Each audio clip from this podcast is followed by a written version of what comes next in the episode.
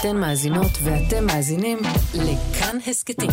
כאן הסכתים, הפודקאסטים של תאגיד השידור הישראלי. מאחורינו אפשר לראות את הסמל של דובאי, בורג' חליפה, מגדל אה, דובאי, המגדל הכי גבוה אה, בעולם. הסמל של העוצמה של דובאי. אה, אוגוסט 2020, זה אני, רועי קייס, בבורג' חליפה, יומיים בלבד אחרי אירוע שלא ממש הספקנו לעכל. נרמול יחסים בין ישראל לבין מדינה ראשונה במפרץ. מי היה מאמין? כיום ישראלי בדובאי זה כבר לא שוק, זה נורמה. אבל אחרי כל ההסכמים והחופשות והעסקים, מה אנחנו באמת יודעים על איחוד האמירויות?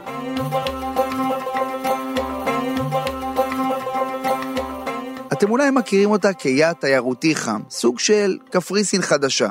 אבל איחוד האמירויות היא מדינה מורכבת הרבה יותר. הם אמרו לי ללכת לתחנת המשטרה. באופן מאוד תמים, אני ובתי הלכנו לתחנה. התחנה הזאת הייתה ממש באמצע המדבר, מחוץ לדובאי. לקחנו מונית, לא ידעתי אפילו לאן נוסעים. זאת ללה שערבש, תושבת אנגליה בת 57 שנעצרה באמירויות. ללה הגיעה לשם עם בתה פריס, שהייתה אז בת 14. והייתי כל כך תמימה. לא הבנתי מה הולך לקרות. לא היה לי מושג איזה זוועות אנחנו עומדות לחוות. אחרי שעברתי חקירה של שעתיים, השוטר הקליד שתי שורות בערבית על מסמך ואמר לי לחתום. אמרתי, אני לא יודעת ערבית, אני לא יודעת מה כתבת. והוא אמר לי שאני חייבת לחתום. אולי כבר שמעתם חוויות של תיירים בדובאי, אבל חוויה כזאת כנראה לא שמעתם. בפרק הזה נדבר על תופעה מוכרת פחות, שלא זכתה לייצוג ניכר בתקשורת. המעצרים. במערכת החוק של האמירויות אפשר למצוא לצד עבירות שאנחנו מכירים, כגון גניבה או מרמה, גם המון חוקים שנוגעים לכל היבטי החיים של האזרחים. שתיית אלכוהול, עבירה. זה בטח ידוע לכם. מין מחוץ לנישואין, עבירה. לשתף קישור לארגון צדקה שאינו מאושר באמירויות? כן, זאת גם עבירה. לכתוב בפייסבוק מילה רעה על אזרח אמירותי? זאת עבירה שעוד אין לכם מושג כמה היא חמורה.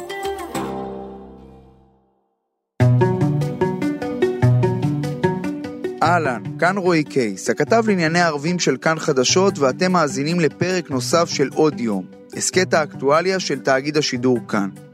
בואו נעשה סדר קטן באיחוד האמירויות.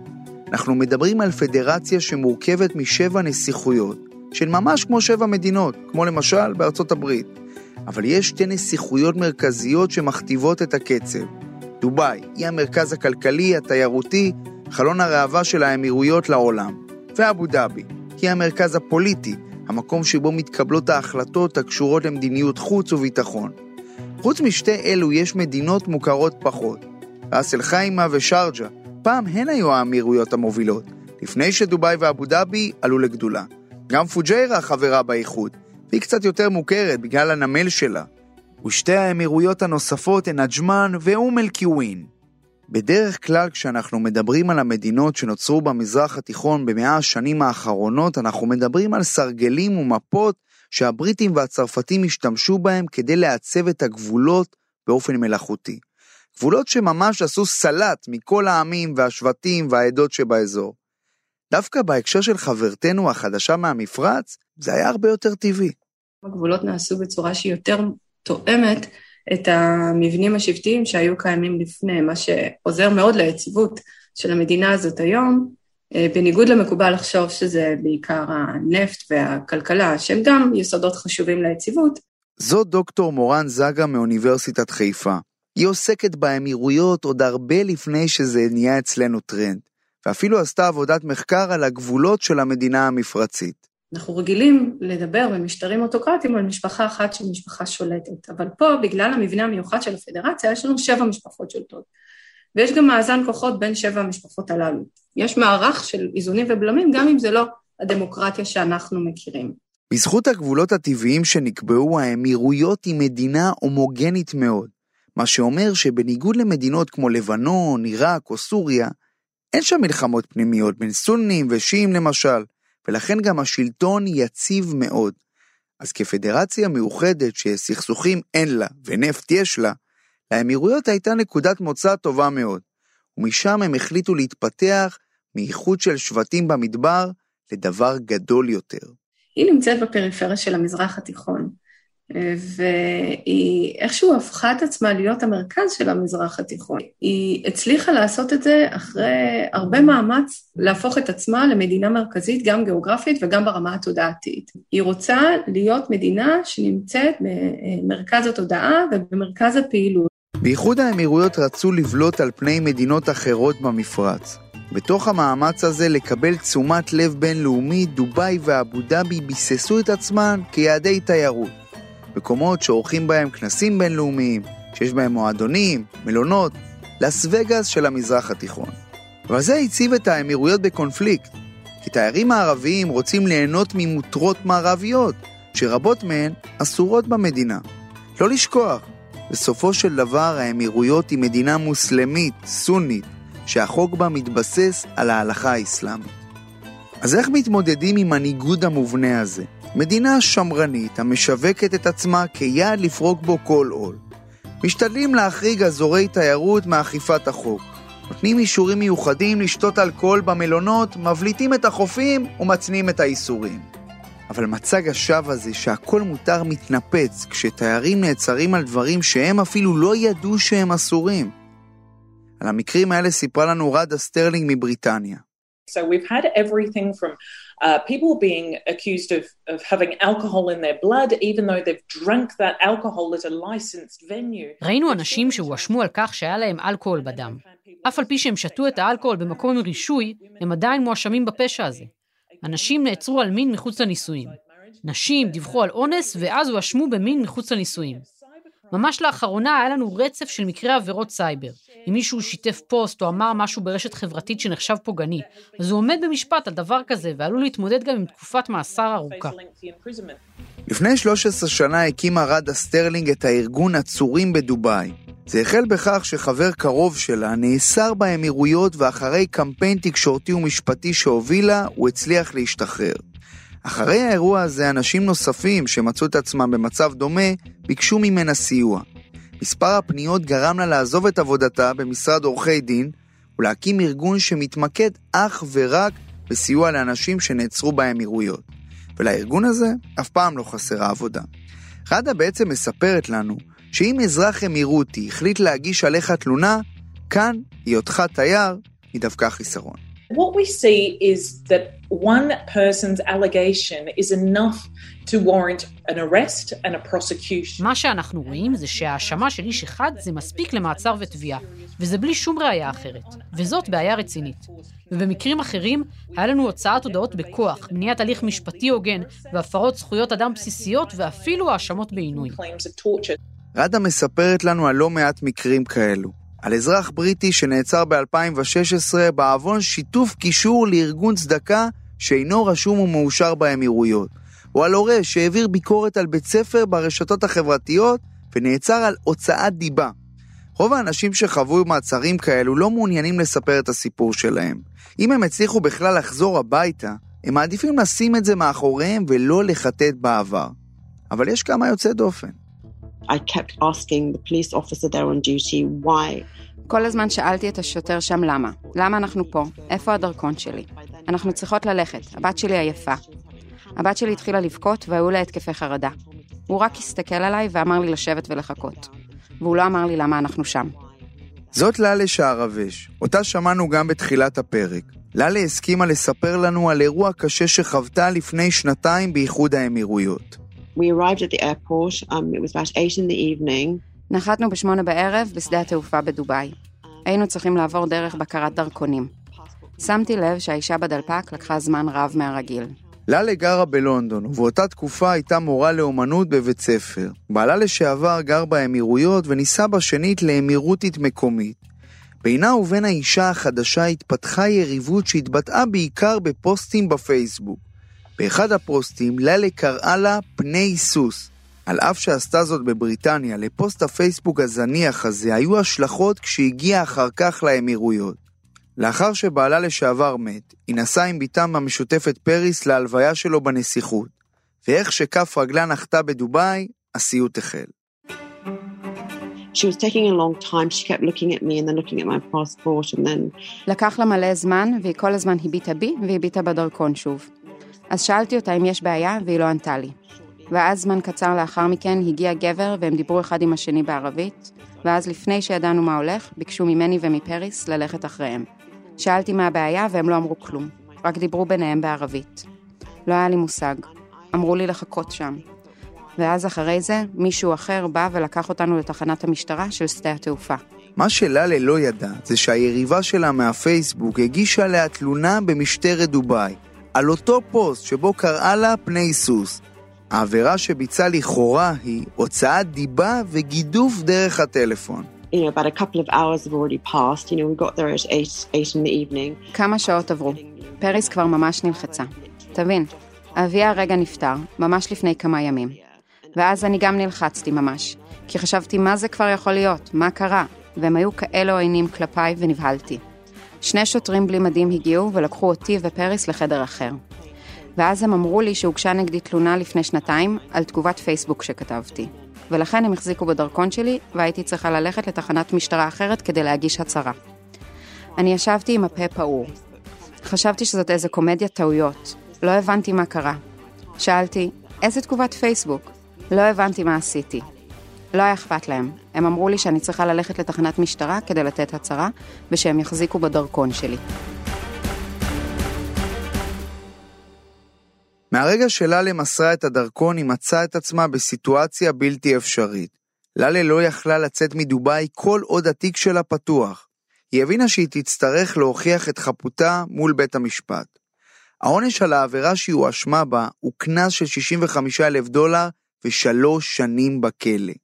לאלה גם הבינה שכדי לשמור על ביטחונה של בתה, שהייתה אז בת 14, היא תיאלץ לשלוח אותה חזרה ללונדון, לבד.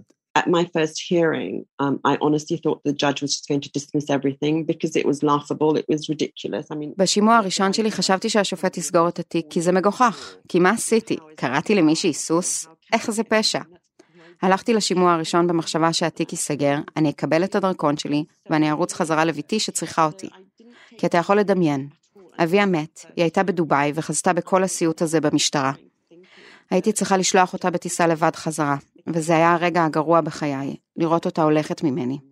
חשבתי שלעולם לא אראה אותה שוב. בשימוע הזה הבנתי לאן זה הולך, שהם לא מקשיבים. השופט לא רק לא שחרר את התיק, הוא קבע תאריך לשימוע נוסף. בנקודה הזאת חשבתי, אוי לא, משהו נורא קורה פה. זה לא טוב, אסיים בכלא בקצב הזה. עד אז משפחתה של לאלה חששה לפנות לתקשורת. we were actually scared because, you know, the judicial system out there is so corrupt. פחדנו, כי מערכת המשפט שם כל כך מושחתת. אני לא יכולה להסביר כמה מושחתת. אני לא יכולה להסביר מה עברתי. רדה מארגון עצורים בדובאי אומרת לנו שבהרבה מקרים כאלו התערבות תקשורתית היא זו שמובילה לשחרורם וזיכוים של העצורים באמירויות. כותרות כאלו בחו"ל מפריעות לתדמית שהשלטון רוצה לשווק, מורידות מערכן של דובאי ואבו דאבי כיעד תיירותי. אז כדי לשמור על המוניטין, סוגרים את התיקים. אני זוכרת את השימוע האחרון בבית המשפט. הכל בערבית, גברים בשמאל, נשים בימין, בצד אחד מלא בעיתונאים. והעורך דין שלי ממש התחנן אל השופט לסגור את התיק. כל התקשורת מאחוריו, בבקשה תסגור את התיק. והשופט לא הסכים, הוא עדיין אמר לא. ואחרי השימוע הזה התמוטטתי. חשבתי שלעולם לא אחזור, כי למרות שהתקשורת הייתה מעורבת, זה לא השפיע. אבל באותו זמן, ואת זה אמרו לי רק אחר כך, הבת שלי כתבה לשייח. השייח, הכוונה לשליט דובאי מוחמד בן ראשד. הבת שלי כתבה לו והייתה גם מעורבות של חברי פרלמנט בריטים. אז כשעזבתי את בית המשפט והשופט קבע עוד שימוע, קיביתי את הטלפון ורציתי למות. חשבתי שזהו, שלא אראה אותה שוב. אבל מאחורי הקלעים, הדברים התחילו להשתנות לטובתה של happening. ולא הבנתי שבשעות האלה כשהטלפון שלי היה כבוי מלא דברים קרו. שבשעות האלה לשופט נאמר לסגור את התיק באופן מיידי. ובאותן שעות עורכי הדין שלי ניסו להתקשר אליי ולהגיד לי שהם הולכים לתחנת המשטרה להביא את הדרכון שלי. הם השיגו לי טיסה במהירות כדי להוציא אותי מהמדינה כמה שיותר מהר. מעבר לכך שהסיפור שלה לנותן הצצה לא נעימה למערכת האכיפה באמירויות, הוא גם מלמד אותנו עוד משהו, שכן בסוף ללה הצליחה לצאת מהברוך שאליו נכנסה. אבל זה רק בגלל שעניינה הגיע לכלי התקשורת הבינלאומיים, וזה כבר הרבה פחות מתאים לממשל בדובאי ובאבו דאבי. כך, המערכת המשפטית שהתבייתה עליה במשך ימים ארוכים, ברגע אחד, בהוראה מלמעלה, ביטלה את משפטה.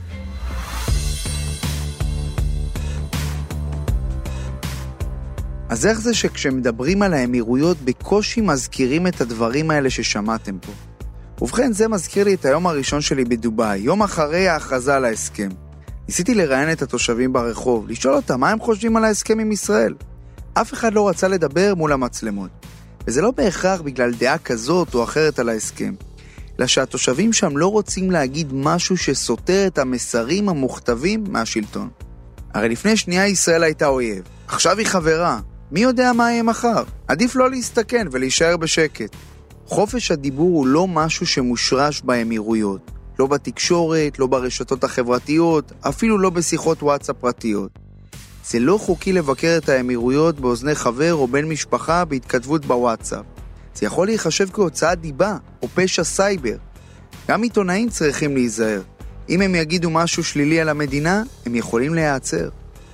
אבל אולי כל מה שנאמר פה לא חל עלינו, הישראלים, אלה שזורמים בהמוניהם לדובאי ומחפשים דיל טוב אצל החברים החדשים במפרץ? כשאני הייתי שם הרגשתי מאוד בנוח. וכשדיברתי עם המקומיים הם הציגו תמונה בה הכל גן עדן. ישראל עכשיו בשלב ירח הדבש עם האמירויות. זאת שוב רדה סטרלינג, מנהלת הארגון עצורים בדובאי. כבר קיבלתי פניות מישראלים שנתקלו בבעיות האלה. הם כבר חוו את זה על בשרם. למרבה המזל, בגלל שהיחסים בין המדינות חדשים, שגרירות ישראל נכנסה והצליחה לפתור את הבעיות האלו באופן דיפלומטי. אחרת זה היה נגמר בכך שהם היו צריכים להתמודד עם משפטים על האשמות קטנוניות, או אפילו להיכנס למאסר. אז באמת, נראה שעכשיו הכל בסדר. אבל בעתיד, כשהסכם הנרמול ייראה כמו היסטוריה רחוקה, זה עשוי להשתנות. נזכיר שבאמירויות אפשר להיעצר על דברים כמו שתיית אלכוהול או דיבור בגסות, לא דברים מופרכים בקרב תיירים ישראלים.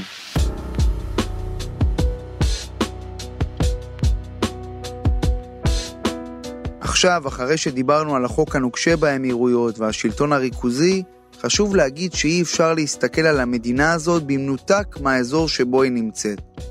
אם מסתכלים על זה ככה, אז רואים מדינה שהיא אכן יותר סובלנית ופתוחה משכנותיה במפרץ.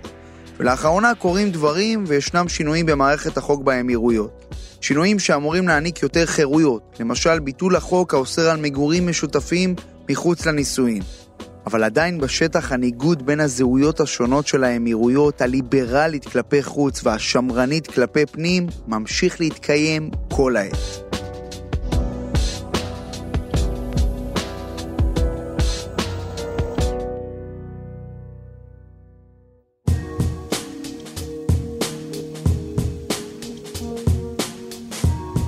האזנתם לעוד יום. את הפרק ערכו אלונה מיצי, דניאל אופיר וניר גורלי. עיצוב פסקול רחל רפאלי. תודה מיוחדת לנועה אקסינר, נורית יוחנן ויהודית ויינברגר. אם אהבתם את הפרק או יש לכם הערות על מה שאמרנו, אתם מוזמנים לכתוב בקבוצת הפייסבוק כאן הסכתים. תוכלו לכתוב גם בדף של כאן חדשות בפייסבוק או בחשבון שלי, רועי קייס בטוויטר, מותר ורצוי לשתף את הפרק. הסכתים נוספים מבית כאן חדשות תוכלו למצוא באפליקציית הפודקאסטים האהובה עליכם, באתר שלנו, ויש לנו גם יישומון רכב חדש. אני רועי קייס, נשתמע.